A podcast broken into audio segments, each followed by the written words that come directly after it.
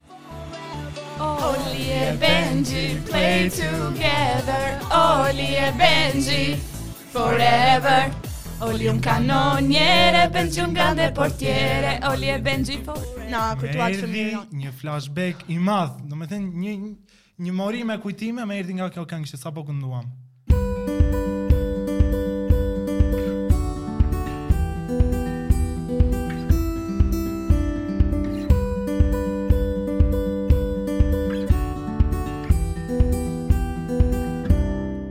Nuk do ta dish në qoftë se je Benjamin Button dhe ke lindur plak, ose s'ke pasur fëmijëri fare, Kjo është është definicioni i, i fëmijërisë tonë. Dhe i nostalgjisë. Dhe i nostalgjisë. Edhe filmi ishte aq popullor në Në qoftë se nuk e keni parë, nuk e keni jetuar.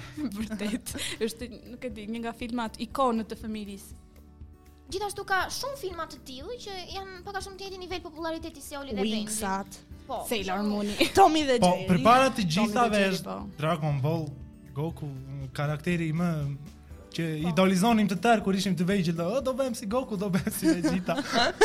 Ju di. Nëse mund ta themi në një farë mënyre, bëhej kjo ndarja që vajzat shikonin Winx-at, ndërsa djemtë shikonin Dragon Ball. Po jo, nuk jo. është e Jo, dhe unë jam gati të zbuloj sekretin më të madh të jetës. Ke parë Winx? Që kam parë Winx? Unë shikoja Spider-Manin. Të gjithë shikonin po se Ishin pak a shumë këto stereotipe sepse ngaqë pëlqenim filmin, donim të ishim dikush nga personazhet. Okej, okay, nostalgjia duket që do jetë kryefjala e këtij episodi. Dhe fëmijëria e brezit tonë ka qenë tjetër nivel. Mendoj se personat që kanë lindur në vitin 2004 janë elitë. Dhe 2004 dhe para 2004. Po, dhe, para, po. dhe arsyeja mendoj unë, arsyeja pse se ne kemi provuar të gjitha. Po. Kemi provuar syllambyllat, kemi provuar ato këmbëçalat, ça luani më atëherë? Me kaluçë. Kaluçi, po kemi provuar dhe Nintendo, kemi provuar dhe Poza poza bukuri. po kemi provuar dhe kompjuterin apo lojrat elektronike. Ne jemi Instagrami, domethënë jemi brezi më më ideal për mendimin tim. Ne jemi brezi i fundit që kemi fotografi. Po, kemi fotografi të lara. Të lara, se në fund janë i kanë në telefona edhe kanë humbur shumica e tyre. Sepse kur ne ishim shumë të vegjël, teknologjia nuk ishte kaq e zhvilluar apo kaq e përhapur sa sa ç'është sot. Prandaj ne kishim mundësinë që edhe të luanim jashtë, edhe të zhvillonim këto lojërat e tjera. Dhe më vonë, afërsisht kur ishim diku te 9-10 vjeç, pastaj filluam Sa isha me sa? Po. Dhe më vonë arritëm të kapnim edhe këtë pjesën e teknologjisë të zhvillimit të telefonëve celularë, të kompjuterave, të lojrave elektronike. Po dhe mendoj se ky brezi jonë ka një defekt të vogël, i cili është fëmijëria na zgjati shumë pak për mua. Domethënë, po në momentin, në momentin që u bë bujë teknologjia edhe celularet, filluam të hapnim Instagramet dhe pa pa pa e ditur dhe e humbi atë e humbi atë atë shijen e fëmijërisë, atë dinamikën. Megjithatë kemi kaluar një fëmijëri të bukur, të paktën 10 vjet të para të fëmijërisë tonë ishin vërtet elitë, ë uh, po. lodrat më të famshme. Kanë qenë ato telefonat. Kam një surprizë për të gjithë. Jepi. Suspans. Presim surprizën e Joanës. Vla i madh gjithë. I love you. I'm a little butterfly. Në qoftë se nuk e keni dëgjuar këtë tingull vetëm një herë në jetën tuaj, nuk e di në qoftë se jeni toksor apo jo. Të kishe këtë lloj telefoni, është si të kesh një telefon më të fundit. Po, të kishe si iPhone 12-ën tani. Unë mbaj mend ishte gjëja më e bukur e asaj dite kur kam marrë një telefon të tillë me të njëjtën zhurmë, po ishte BlackBerry, domethënë nuk ishte me kapak, po ishte nga ato Shumë teknologji e lartë. Pastaj janë edhe lojrat në lagje. Në natyrë. Që un nuk e di pse e nisa, e përmendi pak a shumë e gini. Të luaj në lagje. Unë për vete kam kaluar tërë ditën jashtë sa duhet të më merrnin me zor në shtëpi, të futesha te nja 2 orë sa për të ngrënë drekë dhe për të fjetur gjumë, vetëm kaq. Kurse shtëpia për mua ishte thjesht një fjalë si hotel, shtëpia është para hotel. Vërtet, tamam, edhe unë Tërë ditën luajsh symbyllka, këmbëçale, loja luftash. Jo, ka luçë, nuk kam luajtur. Ka lati bramçë. Bub. Nuk e di për ju, po për mua momentet më të gëzuara ka qenë kur binte ajo errësira dhe mblidheshim të tërë po, goca, çuna. Në lojë symbyllka tërë lagja. Dhe bëheshe hataja. Unë të them të drejtën nuk e kam përjetuar kaq shumë të, të luajtur në lagje, kam dalë pak herë, ndoshta nga që Edhe në pallatin ku jetoja nuk kishte shumë fëmijë të moshës time, e megjithatë kam një traumë nga një radhë që kam dalë të luaj, po luanim dhe dikush nga kati 5 i pallatit ka ka goditur me domate. Ai çati, pastaj sikur Nuk duk sikur po të dilni. Jo, na rinte ne. Të them diçka, të paktën pra Për ata që kanë jetuar në pallate, kush ishte tmeri më i madh sepse pikërisht njerëzit që jetonin në kat të parë që të shanin ti ke të luan. Në lagjen tonë makthi më i madh ka qenë lirika. Lirika të përshëndesim nëse na dëgjon. Love you. Përballë pallatit tim ka qenë një pallat trekatësh dhe aty kishin vizatuar një një një portë ku luanin dhe kosovarçe. Dhe për shkak se i binim atij murit fort dhe i rrëzonim të gjitha kornizat. Diri. Mbaj mend që i kam thyer edhe një lule se ajo i donte shumë lulet mbaj mend dhe. Oh. Nqoftëse i prekje lulet nuk e di. E vrave shpirtërisht. dhe një ditë ajo ishte shumë shumë e mërzitur dhe Më gjeti një herë vetëm. Pa shokë isha isha i pambrojtur. Po më ruante me saktësi nga balkoni. E kishte mbushur një kovë me ujë. Oh. Ato dylitroshet e bojrave, edhe si një ujëvarë më vjen. më vjen ajo kova 2 litroshe në kokë dhe Ilirikës. Dhe uroj zotin që ishte gusht Dhe të freskoi. U freskova pak se ishte edhe vapë. Edhe unë të gjatë. Edhe unë kam pasur një histori të ngjashme kështu.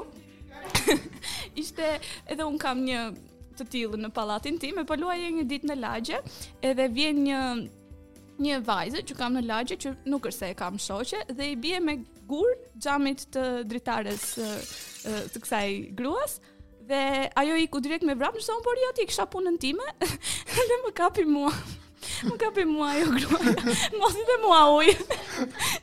Megjithatë, ndryshe nga ju e kisha pak më brenda në shtëpi uh, fëmijërinë time, dhe mbaj mend që dëgjoja këngë dhe Çudia më e madhe është që evolucioni i shijeve të mia muzikore kaloi nga uh, në tropik në tropik në Rihanna brenda një viti.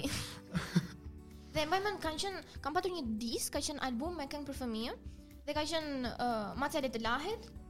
Oh, oh my god. Ka qenë uh, Moj Bubrrec.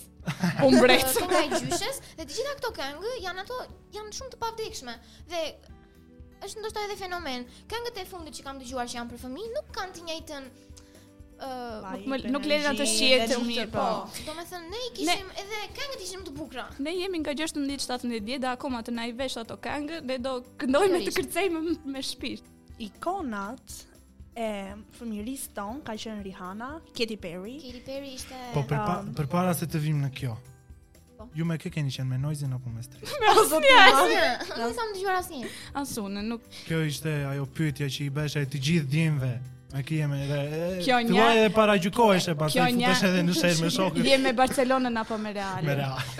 Ku është më mirë këtu apo atje? Kë do më shumë mamin apo babin. Kjo pyetja ishte traumatizuese. Dhe unë sot, sot e kësaj dite përpiqem kur jam shtrirë në krevat, përpiqem cila mund të jetë përgjigja perfekte. Të pyet. Gjithsesi ku e lash te ikonat e mm, fëmijërisë Muzikës. të muzikës e fëmijërisë sonë, ishte Rihanna, Katy Perry, plotëso pak Eminem. Justin Timberlake. Hannah Montana. Mua më duket sikur momenti kur përfundoi fëmijëria ishte në momentin kur dolën fidget spinners.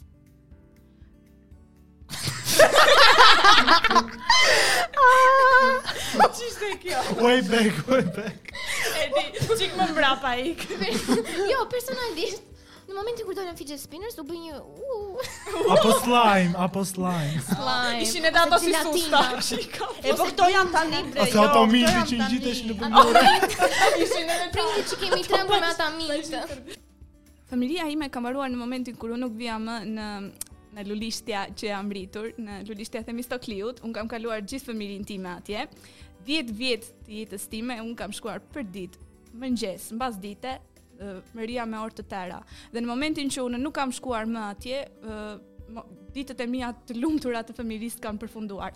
Dhe tani sa herë që shkoj në atë lulishte dhe shoh që e kanë ndryshuar komplet, nuk nuk ekziston më asnjë kujtim Gjithashtu, një pjesë e madhe e fëmijërisë është edhe koha që kalon në kopsht, sepse është hera e parë që ti je në një ambient social ku mund të bësh shoqëri me të tjerët, nuk je vetëm ti dhe motra ose vëllai në qoftë se ke. Prandaj është mjaft e rëndësishme si periudhë që kalon në jetë dhe mbaj mend që në atë periudhë je shumë kureshtar, domethënë fëmijët duan të zbulojnë gjëra të reja, kanë mendime, imagjinata është në skaj dhe një nga historitë, dua të tregoj një histori është mjaft për të qeshur. Uh, unë isha në kopsht një fëmijë mjaft i qetë dhe gjithmonë isha përgjigjesha në pyetje që sado pak mësim që mund të bënim në kopsht. Dhe një radhë tha edukatorja, ë, uh, më thoni fjalët magjike. Dhe nuk e di për çfarë lloj arsye, unë nuk e dija që fjalët magjike janë uh, faleminderit, të lutem, më fal. Edhe në një moment, ë uh, unë e ngre dorën, po e ngre me një vetëbesim shumë të madh, po thërrisja më shumë se çdo person tjetër në kopsht, e ngre me një Që unë e di shumë mirë këtë përgjigje dhe e them them ë uh, abrakadabra. dhe në atë moment të gjithë më shikojnë me çudinë më të madhe dhe nisën të qeshin dhe unë nuk e mora vesh se ku ishte për të qeshur aty. Edhe pastaj i mora vesh që fjalët magjike qenkan më fal të lutem. Faleminderit. Kisha faj unë. Wingardium Leviosa. Shiko, të njëjtën gjë kam pasur edhe unë, kur isha e vogël, fjala magjike më dukej sikur të thuash abrakadabra, hokus pokus, të bësh ndonjë magji, sepse bibiti bobiti bu. Besoja në magji dhe kam besuar në magji prej filmave që shikonim. Kur e keni marrë vesh që babagjyshi nuk ekziston? Sot. Kam ditur. babagjyshi nuk ekziston? Kis. Ehm, ndërsa unë kam kuptuar që babagjyshi nuk ekzistonte kur isha diku te 8 ose 9 vjet, Ë uh, dhe ë uh, ma bënin prindërit që të besoja tek babagjyshi, pasi mbaj mend një ditë, ishte viti i ri, më tha ra dera dhe më tha mami që të shkoja ta hapja. Edhe kur shkova, kur e hapa derën ishte një kukull mbi dysheme. Dhe e mora dhe thashë, "Wow, ma ka sjellë babagjyshi." Dhe për disa vjet unë besoja sepse e kisha të vërtetuar që babagjyshi ekzistonte sepse më kishte sjellë kukull dhe kur e kuptova pastaj ma kishte sjellë babi. të flasësh për gjithë kujtimet e tua më të bukura, për të gjitha momentet më të bukura që ke kaluar, për lojrat që luaje, për filmat që shikoje, për këngët që dëgjoje dhe momentet e tjera me familjarë, miqtë e të tjerë. Um, mund të të marrë me orë të tëra dhe mund të flisnim pa fund në këtë podcast, megjithatë, sepse fëmijëria është ajo periudhë e cila është shumë e vogël, por intensive, por megjithatë ne arritëm që të shprehnim pak a shumë të gjitha highlightet e fëmijërisë. Po, dhe të gjitha kujtimet më të bukura të pothuajse secilit prej nesh, ndoshta edhe tuajat, se vjen një moment kur fëmijëria nuk është më dhe ti nuk e kupton sepse ajo gradualisht është larguar, ti nuk luan më lojërat që luaje, nuk dëgjon më dhe nuk shikon filmat dhe serialet që shihje më parë, ke qëllime të tjera në jetë, um, bën gjëra të tjera më ndryshe. Kur je i vogël, ti mendon se personat që janë tashmë në moshën tonë, jemi 17 vjeçar, janë shumë të mëdhenj ose janë shumë cool, shumë më cool se ty dhe tani ne kemi ardhur në momentin kur jemi këta persona që mendonim që ishim, por tani duam të jemi 10 vjeç ose duam të jemi 10 vjet më të rritur, sepse thjesht kjo periudha duket pak si e çuditshme. Është pak e vështirë t'i lësh një 17 një 18 vjeçarit të vendosin për jetën e tyre, sepse çdo hap që ata bëjnë do të jetë vendimtar për të ardhmen. Pasi u rritëm, kuptuam që dëshirojmë të kthehemi përsëri ata fëmijët që ishim, në atë pafajësinë tonë, momentet e lumtura që kalonim dhe nuk na duhej të shqetësoheshim për asgjë. Dhe tani që u rritëm, kuptuam që gjërat nuk janë aq të thjeshta sa duken. Dhe sidomos kjo periudha tani fund gjimnazi që ne jemi në një stres konstant dhe duhet të marrim duhet të marrim ato vendimarrje për jetën, duhet të marrim një drejtim kirurga, mjeka, sportista dhe Ky është ndryshimi mes të rritur dhe, dhe fëmijës ku ne shqetësoheshim vetëm çfarë do luanim apo si do ta kalonim kohën me shokët, a do kënaqeshim a jo, do binte shi, nuk do binte shi, do ishte kohë e mirë apo jo. Kurse tani, tani duhet të marrim vendime më të mëdha për jetën. Duhet të paguajmë taksa, duhet të punojmë, duhet të, të mbajmë vetet tona se deri tani na kanë mbajtur ata prindërit tanë edhe Tani po shohim se jeta në të vërtetë nuk është një shëtitje në park, nuk është një lojë futbolli apo një akullore që blen në dyqanin e lagjes, por është është shumë më më më gjigante dhe është e frikshme. Personalisht po, është shumë e frikshme. Duhet t'i lësh një adoleshenti të marrë vendime për për jetën. Është nuk e di. Është diçka më e vështirë se sa e kishim menduar. Nostalgjia kaloi në melankoli në këto momente të fundit të këtij podcasti, e megjithatë shpresojmë që t'i kemi pak a shumë nxitur ato kujtimet e fshehura në memorien tuaj, për sepse pak a shumë fëmijëria jonë ka qenë e njëjtë. Dhe përpara se ta mbyllim e, nga zemra jonë, nga thellësia e zemrës sonë, dua t'ju duam t'ju falenderojmë për feedbackun edhe pozitiv dhe negativ që na keni dhënë në episodin e parë dhe ju premtoj, ju premtoj që ajo nuk është asgjë.